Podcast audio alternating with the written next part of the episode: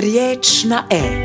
Podcast za ekološku i društvenu pravednost. O aktualnim temama održivog načina života. Aktivizam, politika, obrazovanje i ekonomija.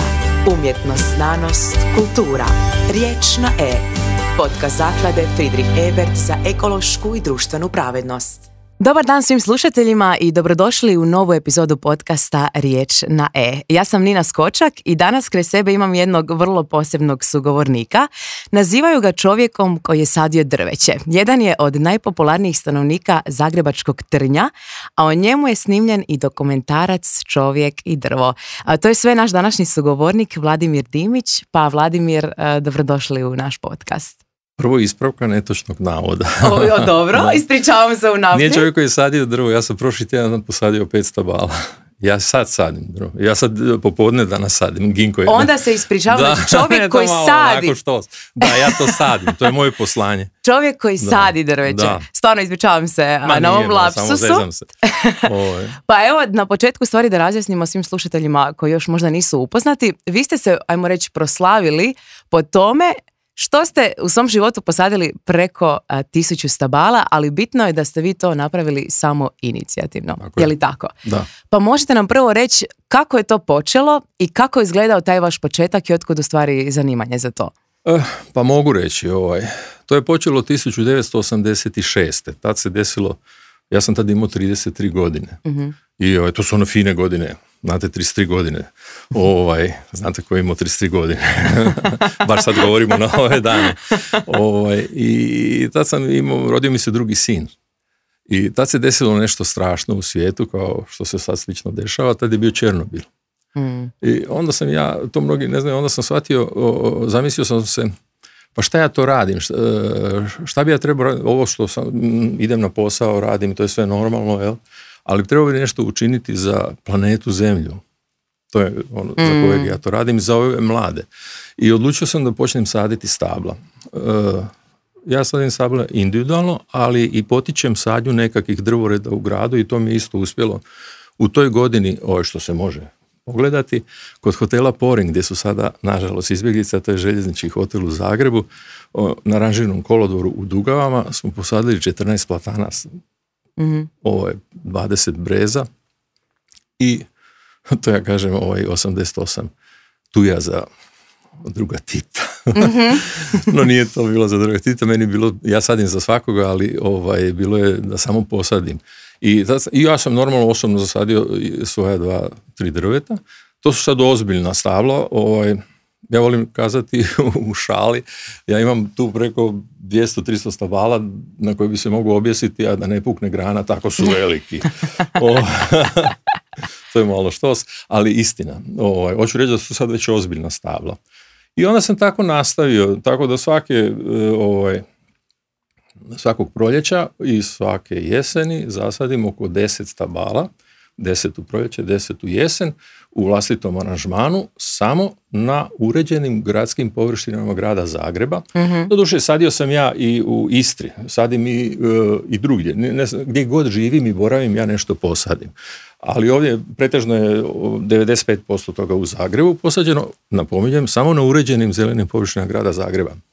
I tako da ovaj broj koji sad svi spominju i tako, to je, oni su mhm. fascinirani brojama, ja mislim da broj nije bitan, bitno je da zasadite jedno drvo godišnje svako.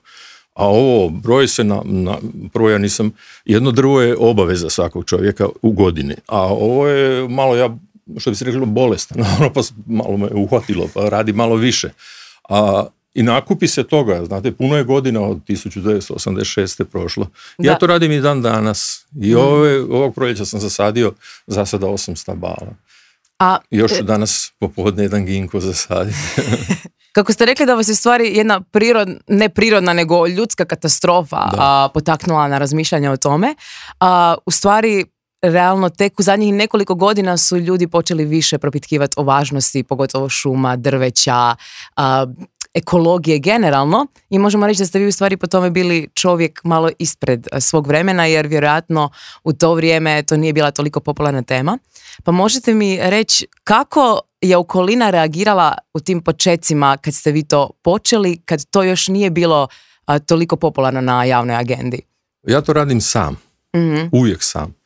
Ovaj, Ispričat ću vam čitavo to da nije to tako baš jednostavno, ali ja uvijek radim sam.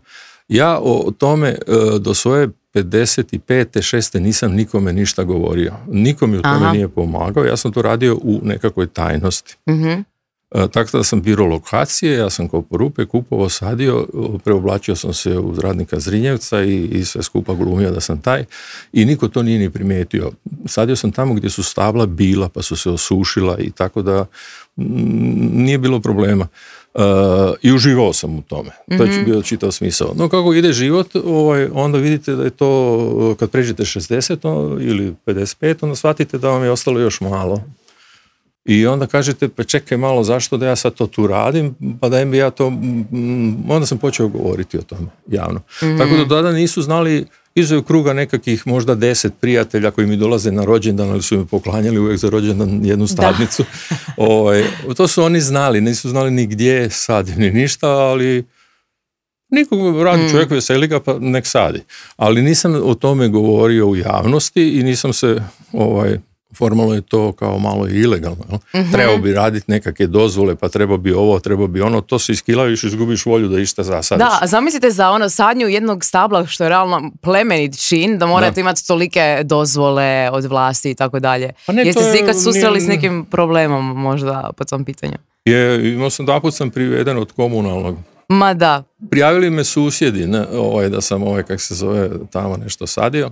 Pa to je jedna interesantna priča. Ovaj, mogu ju ispričati, pošto može. kažete može biti beda se ovako tu Da, da, da pa puno interesantnih priča. A uzme, ovo je jedna interesantna priča. Ovaj, e, ja sam posadio dva hrasta koje su mm. jako plemenite drva i ja njih jako volim. Ali da bih ih sačuvao ovaj, na odgovarajućem mjestu gdje su tu bili, da bih sačuvao onda sam oko njih organizirao djecu iz svog e, susjedstva e, da zasadimo još 20 tuja. To su onako bez veze. Mhm. Imajući u vidu da će djeca to polomiti tuje, a da će se sačuvati dva hrasta. To je bila moja ideja. I onda e, kad su djeca to lijepo, vole djeca, to kopaju rupice pa mi to sadimo. Znate, male tujice, to nije teško zasaditi. Onda jedan dečkić tako osam godina rekao, ju što smo se mi zeznali, pa sad mi nemamo gdje igrati nogomet. A to je bio i cilj da tu, ovaj, se zove na tom mjestu da igra nogomet, nego da igraju nogomet na nogometnom igralištu koje sam ja isto pisao akcije da se napravi pored zgrade, ali djeca uvijek vole tu, a i mame vole da im djeca budu pod prozorom pa da ih gledaju. E sad neke mame to vole, a neke mame to ne vole. Pa su se dve mame posvađale, jedna mama koja to ne voli ili možda nije mama, ne znam, mora da je žena malo luda, ovaj, je poljevala tu djecu s vodom. Ja. I onda su se one posvađale. I onda su zaključile iste su jedne i druge, ovaj, zaključile su, pa ko je to kriv? Pa ovaj ko je to sadio? Pa su me prijavili. I onda e, nisam imao nikakvih neugodnosti, no onda sam ja tamo išao, onda je došao ovaj iz zelene akcije, predsjednik tadašnje zelene akcije, to je govorimo o 80. Mm-hmm. E, I onda je, ne, 90. je to bilo na početku, tako nešto. Nije sad bitno. Ovaj, I onda ovaj zelene rekao, kaže, super što su te prijavili. Kaže, ajde, kao ti sad ideš tamo, a ja ću biti za tebe, još bi bilo najbolje da te kazne. Onda ćemo mi to u sve novine. Kažnjavajuću, naš. Pa mislim, suludo, šta sad da me kazne, šta je tu super, glupo je, mislim, ovaj, šta sam ja tu učinio. I onda je on išao sa mnom, ovaj komunalni inspektor je njega prepoznao. I onda kad je to vidio da je iza mene stoje ti kao ljudi iz te zelene akcije s kojim ja nisam bio u nikakvom doticaju, inače ovaj, onda je rekao pa dajte malo to, obuzdajte se, pa nemojte baš toliko, pa nemojte tu praviti šumu, mhm. malo manje to i neće biti problema. I tako je, to je bilo eh, jednom ovaj, Drugi put su bili čak do ovaj, e, onoga, kak se zvao, direktora Zrinjevca, pa isto prijavili su me, pa su došli kod njega, pa su rekli imamo tu jednog tipa sadi drveće. A ovaj pitao šta radi, kaj je sadi drveće, pa kaj pustite ga, ovi svi drugi lome, šta ti? E, Evo to su jedina dva iskustva sa tim komunistima gdje se dobio ta neka upozorenja, ovaj, ali ne nešto naročito, ali hoću reći to je meni ovako duhovito, i eto, kao jedna anegdota. Imam dosta tih anegdota. Pa daj Bože da svi koji krše pravila, da krše pravila na ovakav pozitivan pa način. Pa ja, u biti mislim da e, e, ne kršim pravila i jako mm. strogo pazim šta radim. ništa ne sadim što tu ne odgovara. Mm. Imam e, moj dobar prijatelj Đorđe Rapajić, ne znam se vi njega sjećate. Ne. ne. Znate Smugovce, Da, znate ono, da, znate to Znate Nosonju. E, to je on. On je završio dva fakulteta, on je bio izuzetan e, šumarski i e, akademiju i on je bio moj savjetnik što i gdje da sadim i na koji način i sve skopa. I uvijek ono ja i žena to i dan danas ponavljamo, ovaj, kaže on samo ti sadi, a ptice, ptice će doći same.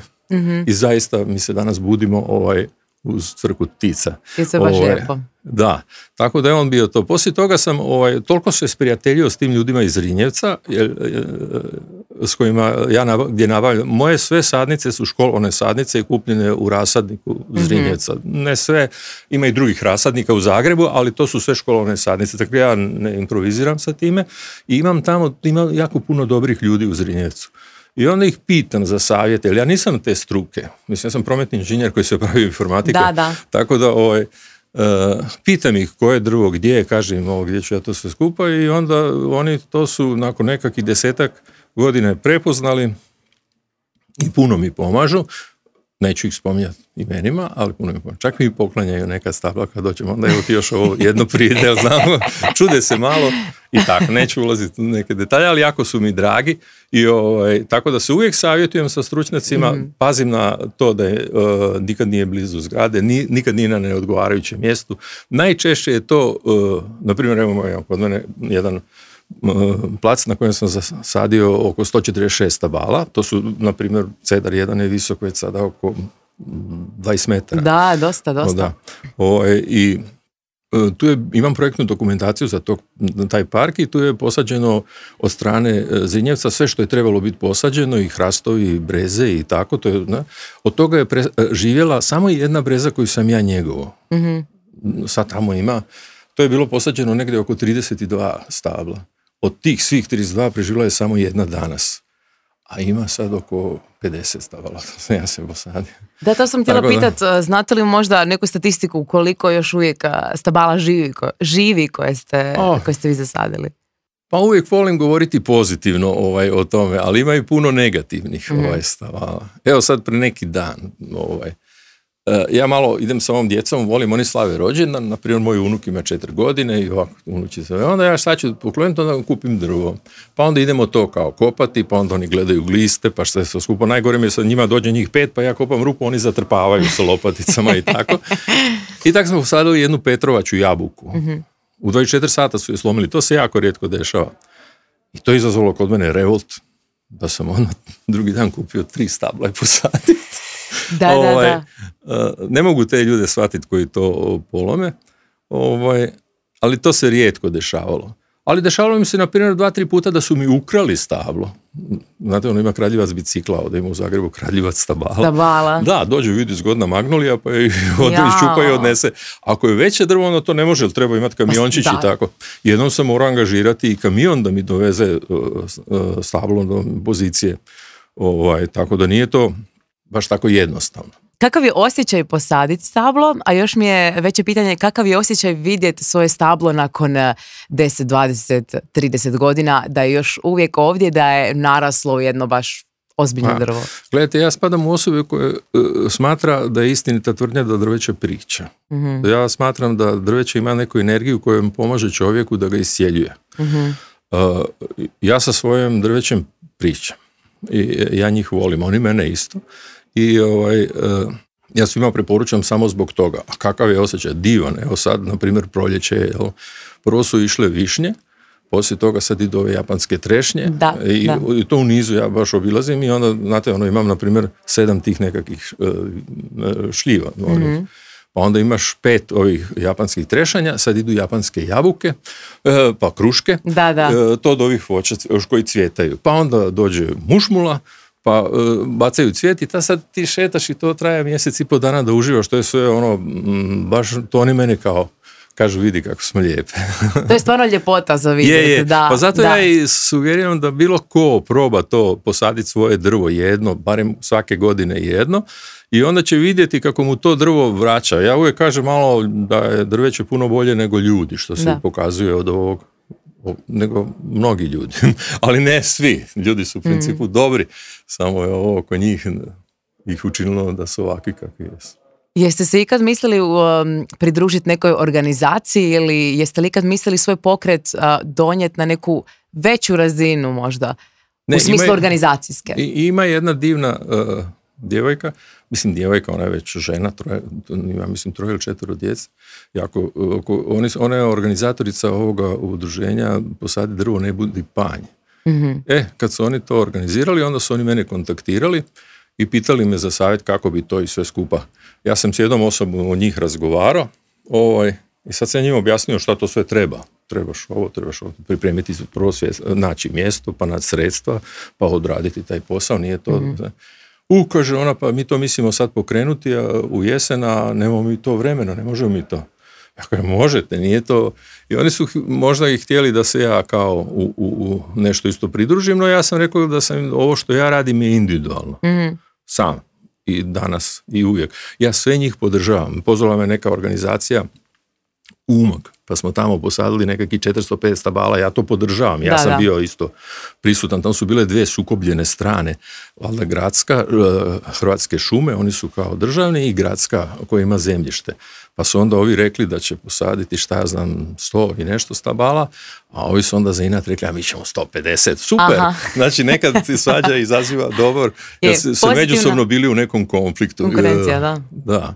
I onda ja pitam ovoga koji je bio, moj domaćin, jel ja mogu s ovima razgovarati? Možeš kao, pa ti si gost. Ovaj. Onda ja odem kod njih, onda oni mi sve kažu drvlje i kamenje na ovoga koji je organizirao tu mhm. se, a on opet kaže sve no ono. To, nije, to je takvi su ljudi da imaju nekakve problema, ali na kraju je poanta sveg tog druženja da smo mi posadili enormnu količinu stabala u Umagu. To su me eto pozvali, pa, a na kraju su im poklonili jedan hrast i ovaj, ja imam taj hrast u Zagrebu, to je istarski hrast koji sam Aha. posadio živje.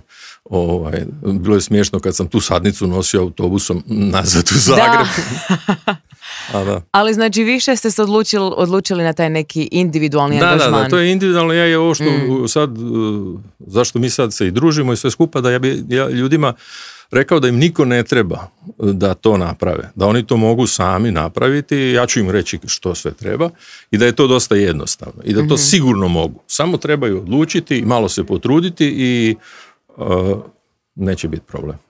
A koje vam je najdraže stavlo? Imate li netko, neko stavlo koje ste zasadili koje vam je baš ono nekako ili neka posebna priča oko njega ili da vam je pa ne, ja volim hrast. Meni je hrast najdre. Ja sam odrastao u Slavoniji mm. i ja sam odrastao u Lenijama, u Vinkovcima, koje je to bilo na kraju grada, to je bio jedan veliki park gdje je bilo velikih hrastova od, u meni od kilometra, ali nije bili su onako 100 metara veliki, koje je trebalo nas 12 da ih obuhvatimo Ovaj, sad je to već dio grada i taj park je unutra.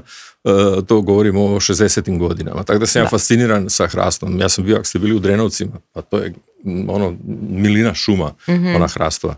Tako da ovaj, najviše volim hrast. Ovdje baš nije podobno ovaj, za hrast, e, bar toga tipa, jer treba dosta e, vode u tlu ali imam i par hrastova. Pa nemam ja najdraže stablo, meni su sva isto, to kada pitate nekoga ko, koje ti dijete najdraže, pa šta? Svi su, to su stabla i mala i velika, e, ja njih sve volim. Tako da ono, to je tako, mislim, šta sad, ne, nemam nikakvih favorita ovaj. A jesu vas ikad zvali možda iz nekih škola da, na primjer, dođete pokazivati djeci kako se sadi drvo? Jer čini mi se da je sad to dosta popularno da se u školama kreće nekako djecu učiti o tome na koji e, način njegova drveće, biljke i slično. A pa to, to poticaj mi je dao moj kolega Nikola e, ovaj, Mišo Devičić, on je ovaj, suorganizator Suburiz festivala s kojim ja nešto malo surađujem ovaj, i onda je on rekao pa idi sad to nastupaj po tim televizijama, daj izjave, daj to malo širi sve skupa, onda to meni nakon tih 5-6 nastupa bilo ovaj, pa uvijek isto pričam, mislim, već malo dosadno, on pa ne slušaju svi iste programe i sve televizije, on tako to prvi put čuje. Tako da, ovaj, nastupam.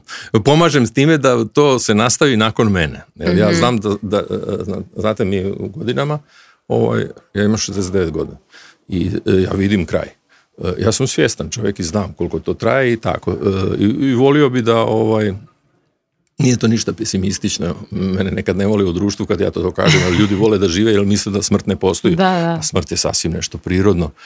Tako da ovaj, sam odlučio da eto, pomognem da drugi, na primjer, ako ne znaju, ako su sami, da si stvore jednog prijatelja kraj sebe. Ovaj, pa sad je drvo. A jel vam pomažu ljudi oko vas kad vas vide?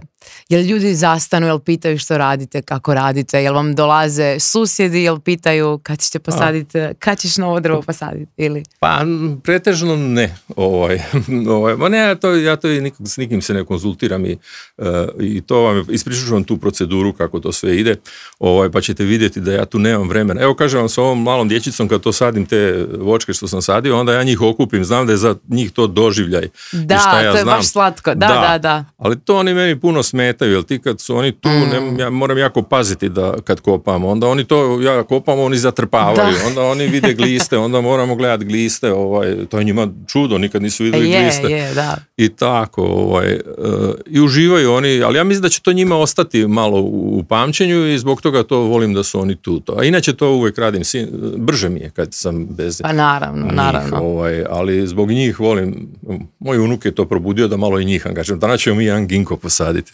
Ali to je lijepo da im se stvara ta navika i neka pa, normala ono, toga. Pa, baš u tim kodom navika, ne znam, ali će se sjećati nešto da ovaj, objašnjavam im da drveće govori, da se s njima može pričati, da ovo ono, da ono međusobno povezano sa korijenjem, pa da izmjenjuju informacije, da će one pričati o njima e, i da će lijepo govoriti. I tako, mislim, e, malo bajka.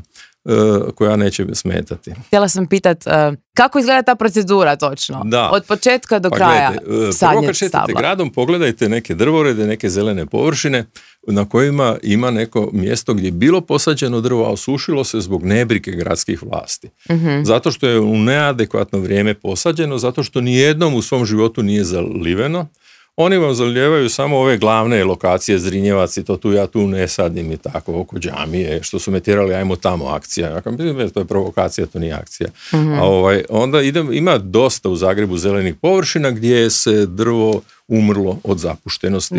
I onda e, kad to nađete tu lokaciju, odlučite, onda se raspitajte šta tu odgovara. Ako su tu javori, posadite javor. Ako, su, ako ne znate, raspitajte se po tu Onda kad ste to napravili, odlučite da skupite sredstva i to sam isto uvijek u tim nastupima rekao s obzirom na ovu ovaj, kod nas situaciju gdje su ljudi e, nemaju novaca. Imamo mm. puno siromašnih, to je prosto iz Europe, mora da se čude kad vide koliko mi imamo penzionera koji su ispod praga siromaštva. Ovaj, e sad ja kažem, e, ljudi opet sebi, mi imamo, mi smo tu mediteranci, onda mi volimo guštati pa popiti kavu i sok. Kava i sok vam danas koštaju danas trenutno oko 25 kuna. Da, S nekim kolačem kad dodate isto 31 kunu. Dakle, e, ako u godini dana niste popili pet kava i sokova ili šest sa prijateljem nekim, to vam je dosta za jednu malu sadnicu. Mhm. Znači sadnice se kreću otprilike cijene, ovo voće je jako prihvatljivo, ono je do 50 kuna, ne mhm. jako malo. Ali ove ozbiljnije sadnice koje ja sadim i veće, te minimalno koštaju oko 150 pa do 750 kuna. Ove već druge malo su i meni neprihvatljive, jer nije, ja to sve sam financiram. Da, da, da. Ali uglavnom svako si može odlučiti da će te godine posaditi drvo i onda početi e, štediti u roku nekakvih odricanja. Evo, ja kažem, to je jedan primjer, može bilo šta da se odrekne od pušenja, koliko košta kutija cigareta, to isto sve nezdravo. Može se skupiti te novce.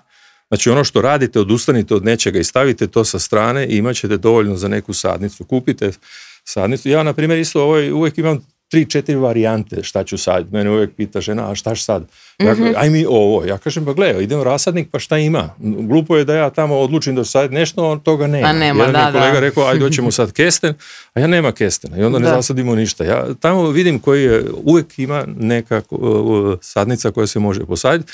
E onda kupite tu sadnicu, trebate organizirati prijevoz i onda konkretno treba tu imati lopatu i neki pribor da iskopate tu ropu, odgovarajuću rupu, kupiti ne samo sadnicu nego i potporni štap, kupiti e, humusa malo i imati E, najlon za povezati to stablo tako da izgleda kao da ga je e, sadio Zrinjevac. Mhm. I onda kad to lijepo, potpuno to sve znači, izgleda. Znači bitna je i prezentacija. oni, za grad Zagreb, ja ovo mogu slušati neki u Vinkovcima, pa nek tamo posade ili u Karlovcu. Nije, ja sad idem u Karlovac neko predavanje pa će tamo biti isto sadnja drveća. Biće prezentacija filma u meni. Mhm. Stimili su neki film. Ovaj, ovaj moj prijatelj ja Ovo Ovaj, i onda konkretno u jednom danu odlučite kad vam paše da iskopate rupu to, i to je uzimo težak. Ja sam, na primjer, E, prije e, do pet godina kopao deset trupa bez problema i pitao di je 11. A sad mi je već poslije četvrte malo teško. Ovaj, to, je, to su te godine koje idu. I onda kad se vaš rupu imaš onaj najmanji dio da to staviš malo humusa, staviš tu sadnicu školovanu koju izodiš iz... To možete sad saditi u, doba cijele godine. Iako je preporučljivo da se to radi u, u proljeće. Mm. Znači prije nego što prolista ili, Ne, i u jesen. To je pravo doba za to. I onda konkretno Stavite drvo, to se zakopate, to tako uredite, e, tu nije gotovo, onda morate brinuti o tome, deset dana obilno zaljevanje, a nakon toga ga obilazite dve godine. I, znači imate dosta posla pa nije, ako ga, ovaj. nije, nije, to tako da vi samo tu bacite pa da, odete, nego onda to ja na primjer u ljeti ovaj, imam tu terapiju, Ja to zovem moja terapija, ja se dižem u četiri ujutro Ovaj, kažem, nisam baš puno normalan. u četiri ujutro se ja dižem dok sam radio, jer radim od osam. I onda ja zaljevam svoja stabla. Ima ih, na primjer, 20. Da, da. samo ova stabla koja su zadnjih godinu dana. I to ja zovem terapeutske šetnje. Onda ja mhm. imam dva karnistera po 10 litara i sad svako stablo obilazim okolo. Napravim ja tu dosta šetnje ali to vidim ujutro, na primjer, tamo kod mene na nasipu, sa mnom su ovi što šetaju pse i ovi što ujutro trče, oni nešto džogiraju i, i tako. I ja, oni svi dođu i kažu, o, super, super, baš divno. A ja kažem, pa kad tu trčite, to podnesite litru vode pa zalite. Da, da. A ne, ne, to se ne, ja, imate pravo. I tako. Ovaj. Pa svaka čast, znači nije toliko jednostavno ne, kao samo stavimo pa drvo u pa zemlju. i... da, nije. Ovaj, ako je normalno drvo, tu vam negdje. Normalno ako neko drvo posadim, ovaj, u Istri ne mogu ga onda obilaziti, ne mogu ja sad putovati tamo da bi zalio drvo, onda bi trebao nekoga naći da malo pobrine. Bitno je to u prvom periodu, nakon drugog listanja drvo može samostalno. Mhm. Ali do onoga, znate, ako ste ga posadili u proljeće i ako ono prolista u proljeće iduće, onda je to drvo ne treba vas. Onda Ono može samo, možete se samo doći malo družiti. Onda je dobro, e, da, da.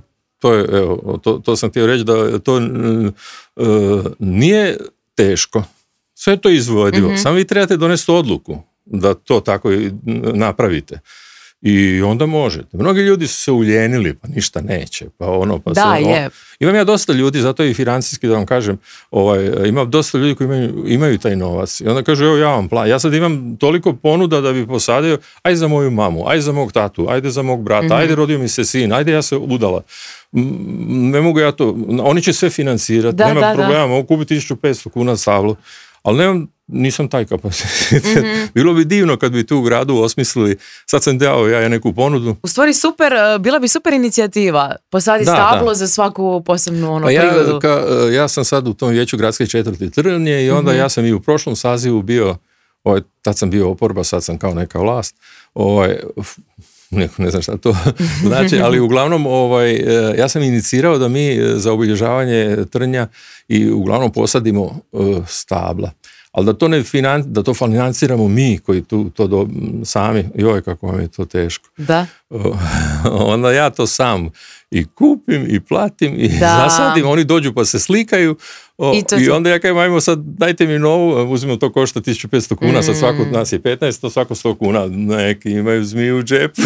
Ja, to je jadno, onda... jadno ovaj, do zla boga, ali tako je i onda smo posadili na primjer u ovoj osnovnoj školi Jure Kaštelan, ovaj, jednu lipu, u lipu, preživjela je, a sad pošto se škola ra, ra, ovaj, renovirala, onda smo posadili kada je George ubijen za Black is Matter, mhm. jedan ginko, njega su srušili, ali se škola obnavlja.